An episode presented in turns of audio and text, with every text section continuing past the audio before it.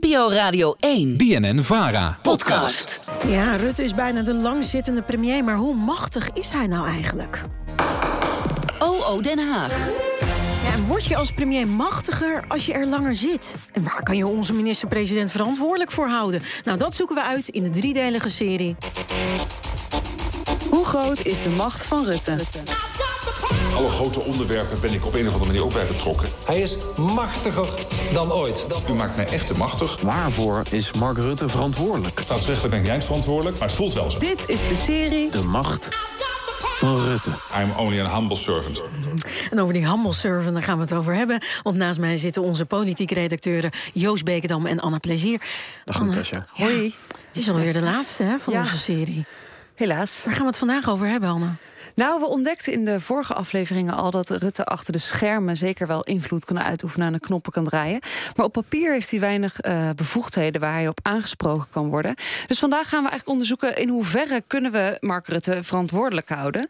En voordat we verder gaan, luisteren we eerst even naar Mark Rutte zelf, want hij heeft daar een bijzondere formulering voor. Let vooral even op de woorden direct en indirect. Oké.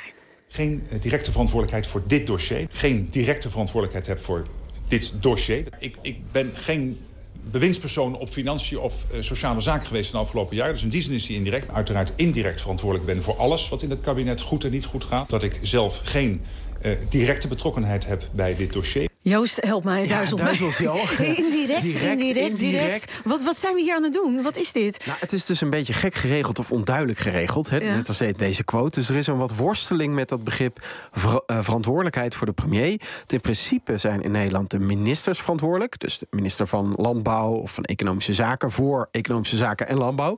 En de premier, waar die nou verantwoordelijk voor is, ja, dat is eigenlijk een beetje gek eh, geregeld.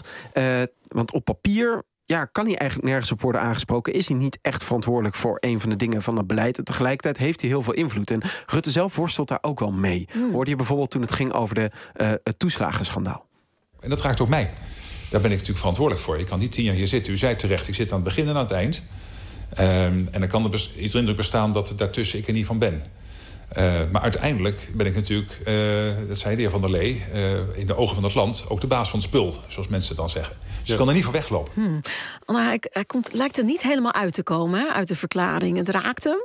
Maar is hij nou zelf verantwoordelijk? Of alleen in de ogen van het volk? Eh, wat, wat zegt hij nou eigenlijk hier? Ja, hij komt er niet, niet helemaal uit. En dat is ook echt wat Joost zegt. Het is een beetje zo'n raar grijs gebied. Ja. Want ja, hij kan wel aan de knoppen draaien achter de schermen. Maar ja, in hoeverre op papier. En wij wilden dat dus wel onderzoeken. Van, eh, nou ja, wat houdt die verantwoordelijkheid dan in? En daar hebben we allerlei eh, ja, mensen gebeld. Tientallen mensen.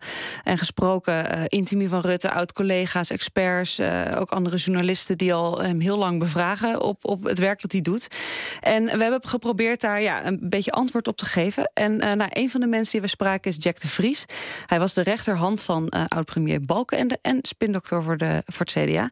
En hij noemt het een, ja, die verantwoordelijkheid een beetje een scheve situatie. Een premier heeft in vergelijking met andere landen helemaal geen machtspositie. Maar als je ziet waarvoor de premier allemaal naar de Kamer wordt geroepen... dan hebben we eigenlijk een situatie dat we iemand de macht niet gunnen... maar hem wel de verantwoordelijkheid aanrekenen. En dat is eigenlijk een scheve situatie. Oké. Eh, is die situatie echt inderdaad zo scheef in de praktijk, Joost? Nou ja, het is inderdaad zo, de macht niet gunnen. Dat klopt dus, want op papier heeft hij geen bevoegdheden om ministers naar huis te sturen. Nou, daar hebben we het in onze eerste aflevering over gehad. En tegelijkertijd zoeken we vaak ook een soort alomvattende eh, verantwoordelijkheid. Ja. Ook natuurlijk bij de, bij de premier. Eh, en hij is natuurlijk achter de schermen ook invloedrijk. Hè? Dat hebben we in onze eh, tweede aflevering eh, onderzocht. Dus er is eigenlijk een soort verantwoordingsgat. Op papier Ja. heeft hij weinig macht, kan hij er niet op worden aangesproken. Maar in de praktijk heeft hij wel invloed. Maar kun je hem daar dus niet op aanspreken. En Paul Boveneert, staatsrechtgeleerde, die noemt dat ook een probleem. Die verantwoordingsstructuur is een probleem als die minister-president eh, een belangrijke rol vervult. Want op papier is de minister-president slechts voorzitter en moeten de afzonderlijke ministers verantwoording afleggen. Terwijl in de praktijk die minister-president president zich bemoeit met allerlei dossiers, informeel, feitelijk, terwijl hij daar geen verantwoording over aflegt. Oké, goed. Eh, er zijn dus twee dingen. Eh, Rutte zegt zich dus verantwoordelijk te voelen. Maar is dat op papier vaak niet? Anna, hoe gaat hij dan met die verantwoordelijkheid om? Ja, als er dingen fout gaan, zegt Rutte snel van... nou ja, ik ben hè, de baas van het clubje, dus je moet bij mij zijn... Uh, als er iets niet goed gaat. Maar als mensen hem dan daar inderdaad op aanspreken... en zeggen van, goh, maar dit gaat fout... of uh, ja, hoe, hoe bent u daar verantwoordelijk voor? Ja. Dan gebeurt er iets anders. Dan doet hij vaak twee dingen. Ten eerste maakt hij zichzelf of het probleem klein. Uh, en hij schuift ook vaak dingen af, dus op de ministers. En als je dus je eigen rol en je eigen taken kleiner maakt... dan lijkt het ook wat minder belangrijk. En dat legt Petra de Koning heel goed uit. Zij is uh, politieke redacteur bij NRC en schreef een boek over Mark Rutte. En zij volgt uh, Rutte echt al jaren. En dit zei zij daarover. Het is typisch Rutte om zichzelf uh, klein te maken. Hè? Daar worden andere groter van. Hij maakt ook heel vaak gebeurtenissen of dingen kleiner. Die eerste televisietoespraak in coronatijd, dat was echt een historische gebeurtenis. Dat was sinds Joop den Uyl in de jaren 70 niet meer voorgekomen. En toen had hij het over groepsimmuniteit. Daar kreeg hij heel veel kritiek op. De WHO zei ook van ja, dat moet Nederland niet gaan doen. En een paar dagen later werd hij daar in de Tweede Kamer op aangesproken. En toen had hij het over zijn tv-praatje. Dus door de gebeurtenis zelf kleiner te maken, wordt ook het probleem misschien wel kleiner. Dat is heel erg de manier waarop Rutte dit soort dingen kan doen. Oké, okay, het probleem dus kleiner maken. TV-praatje, ook wel een interessante ja. woordkeuze inderdaad. Ja. Maar Joost... Geitenpaadje. Uh, ja, geitenpaadjes. zo kunnen we alles geitenpaadjes. Maar is het dan ook ministertjes waar die zich achter schuilt? nee, nee, nee, nee, nee, nee, nee. Altijd hele grote ministers. Nee, want dat is inderdaad die tweede. Dat hij af en toe uh, afschuift. Uh, afschuiven klinkt, klinkt weer heel negatief. Maar hij, hij doet het dan zuiver staatsrechtelijk. legt hij het bij de minister bij waar het hoort. Mm. En de vraag is altijd, is dat niet ook af en toe ook handig? En daar hebben we bijvoorbeeld ook met uh, Nienke de Zoete over gesproken. Zij is uh, politiek journalist bij Nieuwsuur. Heeft Rutte eigenlijk al gevolgd en ondervraagd sinds hij politiek leider van de VVD is. En zij ziet ook dat hij zich af en toe ook wel handig gebruik maakt van het feit dat hij ook af en toe dingen bij een minister kan leggen. Ik denk ook wel dat hij dat ook wel vindt dat de vakministers over hun eigen departement gaan. Ja, dat is logisch, maar dat dat, dat ook echt dus hun verantwoordelijkheid is en dat hij meer moet zorgen dat alles in goede banen loopt. Hè. Je kan hem, als je hem interviewt, ook soms beter naar procedures vragen. Daar kan hij meer mee dan als je hem naar de inhoud vraagt. Uh, maar hij, hij, doet het natuurlijk soms ook wel bewust. Dan, dan antwoordt hij, oh, dat weet ik allemaal niet precies. En als je dan even doorvraagt, dan blijkt hij uh, van allerlei feiten op de hoogte te zijn... die hij eerst fijnste niet te kennen. Oké, okay, goed. Dit zijn alle tactieken, dit is de praktijk. Anna, hoe, hoe zou Rutte dan wel verantwoordelijkheid kunnen nemen? Nou, zoals we eerder concludeerden, heeft hij dus wel veel invloed. En hij kan dus ook die invloed inzetten en zeggen... nou, uh, allemaal leuk en aardig, maar ik ben een premier ja. en ik maak hier nu een topprioriteit van. Die macht heeft hij wel. Dus ondanks dat hij het dan niet misschien inhoudelijk kan uitvoeren, want geen inhoudelijk vakminister, kan hij wel uh, nou ja, de verantwoordelijkheid naar zich toe trekken en gewoon zeggen: Nou jongens, ik vind dit super belangrijk, we gaan hiermee in de slag. Mm -hmm. En Petra de Koning van NRC die zei uh, dit daarover. Over Oekraïne kan Rutte zeggen: Ik vind dat het land bij de Europese Unie hoort, bij onze Europese familie. Ook al zijn de procedures lang en moeten die natuurlijk eerlijk worden nagelopen, zoals het ook voor andere landen geldt. Hij kan zeggen: Oekraïne, jullie horen bij ons. Dat is een soort leiderschap dat mensen misschien nu wel heel graag willen horen. Maar Rutte neemt dan niet het voortouw. Maar natuurlijk kan de minister-president dat doen. Die kan de uh, thema's kiezen of belangrijke dossiers en dat naar zich toetrekken en daar zichzelf verantwoordelijk voor maken. Dit klinkt hartstikke simpel. Ik zou zeggen, kant en klaar. Waarom doet Rutte dit niet gewoon? Nou, Rutte profileert zich niet zo snel op dossiers. Hij is meer pragmatisch. Hij ziet zichzelf meer als een manager die erboven staat.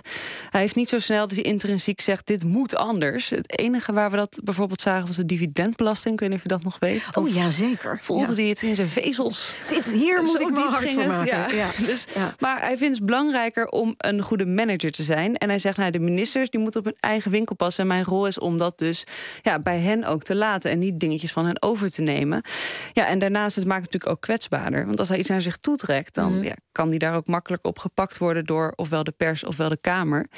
Um, en ja, tot slot zegt Rutte heel vaak: ja, het past niet bij mijn rol. En ik heb de ambtenaren een mankracht. Dus hè, we zeiden al eerder, hij is de baas van Algemene Zaken, ministerie van Algemene mm. Zaken. En hij zegt: Nou, ik heb ook eigenlijk niet de mankracht ervoor om hè, alles in de gaten te houden en overal bovenop te zitten. Wacht eens even, hebben we het hier over personeelstekort? Uh, Joost? Want uh, te weinig mankracht of vrouwkrachten.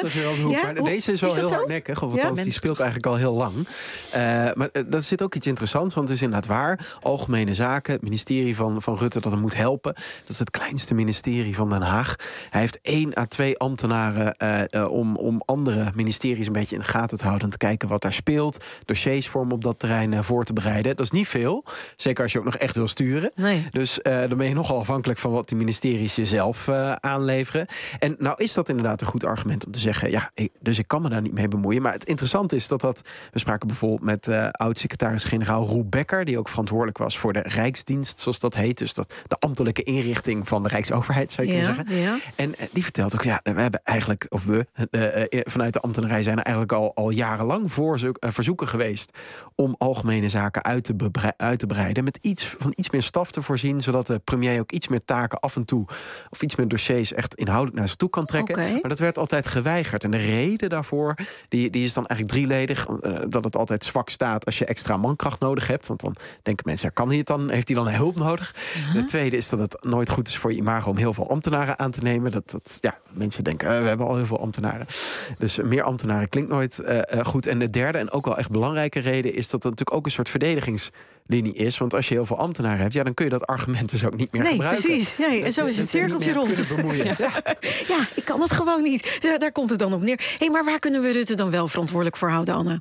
Nou, uh, ook het niet pakken van verantwoordelijkheid, waar we het net over hadden, dat is natuurlijk een keuze. Uh, waar dat wel had gekund, dat valt onder jouw verantwoordelijkheid. Want je mm. kiest ervoor om dat wel of niet te doen. Uh, en of dat goed is of niet, dat is een beetje een politieke vraag. Want we hebben heel veel aanhangers ook van de premier gesproken, om het zo te zeggen. Mensen van de VVD. En die zeggen, ja, uh, dit is ook gewoon heel erg zijn stijl. Managen, niet het voortouw nemen. En dat maakt hem juist heel sterk als premier in zo'n coalitielandschap. Dat je niet Mhm. het kleur bekent en zegt, uh, ik trek allemaal dingen naar me toe. Maar ja, andere mensen zeggen ook van, ja, er zijn heel veel dingen misgegaan. Hè? De crisis op de woningmarkt, de stikstofcrisis, tekort in de zorg en het onderwijs. Want hij had ook kunnen zeggen, ik vind het zo belangrijk dat, hè, dat die woningcrisis wordt opgelost. Ik trek dat naar me toe. Um, dus dat is ook een beetje hoe je daar naar kijkt, wat je daarin belangrijk vindt. En ja, Mark Rutte gaat heel erg uit vanuit zijn eigen liberale opvatting van hoe je premier bent. Dus hij wil eigenlijk dat de, de staat zo klein mogelijk maken, zijn rol dus ook zo klein mm -hmm. mogelijk maken. En niet dat de, ja, als premier je overal tegenaan bemoeit. Uh, dus eigenlijk uh, prevaleert uh, ja, de, de macht en, en, en, en het managen boven de inhoudelijke dossiers. Dus hij zal eerder de boekjes ingaan als de langzittende premier die een goede manager was. Ja. Maar niet per se als bijvoorbeeld de klimaatpremier. Nee, die nee, het klimaatprobleem heeft opgelost. Nee. nee. Dus een goede manager. Uh, maar dat hangt dus ook heel erg persoonlijk van de premier zelf af, hoe die dat invult. Uh, het is ook de vraag of Nederland een hele sterke manager wil. Hè? Ja. Dus uh, dat zei Jack de Vries natuurlijk. Wel onverantwoordelijk te houden. Maar Mhm. mm -hmm. de vraag is op het moment dat er ook echt iemand staat die de lakens gaat uitdelen, of dat nou snel geaccepteerd wordt. Dat ja, is eigenlijk mensen de vraag. hebben ook soms wel behoefte aan van, goh, waar sta je nou voor? Wie ben je nou? Wat en, is nou? En waarom zijn die problemen niet opgelost? Ja. Dus eigenlijk die tweespalt die, die komt eigenlijk een beetje de hele tijd terug in die discussie. En dat kan eigenlijk omdat het ook slecht dus geregeld is op papier. Omdat dus hey, dat verantwoordingsgat op papier is hij voor weinig verantwoordelijk te houden. Dus het is ook een beetje aan de premier zelf om dat dan maar in te vullen. En uh, er zijn dus ook mensen die zeggen... ja, dat kan dus ook anders worden ingericht. Want je, je ziet nu dat de Tweede Kamer steeds vaker Rutte ook op het matje roept... Ja. om dan toch te Dan proberen ergens Ja. verantwoording te laten roepen. Terwijl dat dan, nou, dan gaat hij daar eigenlijk niet over. Dus nou, ingewikkeld. Uh, dus dus uh, bijvoorbeeld staatsrechtgeleerde Paul Boveneert... die pleit er ook voor, regel dat nou eigenlijk iets beter. Geef de premier iets meer bevoegdheden, zogeheten richtlijnen. Dus dat zijn eigenlijk een soort aanwijzingen... die je dan kan geven aan je ministers. Een handleiding. Een, een soort, ja, nou, nou, bijna, be, be, zo, zo Ja. zei hij tegen mij achter de scherm. Nee, nee. Eh, en eh, hou koffie. Eh, nee, nee hoor. Eh, eh, en daarmee kun je, heb je iets formeels in handen om de premier dan ook op aan te spreken. En dat zegt hij zo. Door beter te regelen op papier dat die minister-president uh, ja, richtlijnen kan geven. Hij geeft natuurlijk niet de hele dag en elke week richtlijnen. Maar als het gaat om belangrijke zaken, zeg maar hoofdpunten van het regeringsbeleid, dat die minister-president dan, uh, omdat hij richtlijnen kan geven, ook op het matje geroepen kan worden in het parlement. Ja, nou, gewoon een handleiding dus. Lijkt me een goed idee. Uh, maar gaat dat ook gebeuren? Nou, Rutte zelf hebben we het ook even gevraagd. Van, ja? uh, zie je dit zitten? Rutte zegt, nee, ik kan prima uit de voeten met hoe het nu geregeld is. Toen zei ik, ja, maar is dat dan niet onhandig? Dat dat dan ook een beetje onduidelijk is waar je mm -hmm. ter verantwoording kan worden geroepen. En toen zei Rutte dit. Als ik mezelf aanspreekbaar voel, dat is genoeg. Uh, dat is uiteindelijk, uiteindelijk bestuur je met je hart uh, en je hoofd. En, en, en, niet alleen met het wetboek. Het wetboek zegt ik ben er niet verantwoordelijk voor. Maar mijn hart en hoofd zegt ik ben er wel verantwoordelijk voor. Nou, en zo is het cirkeltje rond. Bijna poëtisch einde. Ja, ik wil je bedanken, Joost Bekendam en Anna Plezier, onze eigen politieke redacteuren. De hele serie over de macht van Mark Rutte is terug te luisteren via onze politieke podcast, de Nieuwsbv Politiek.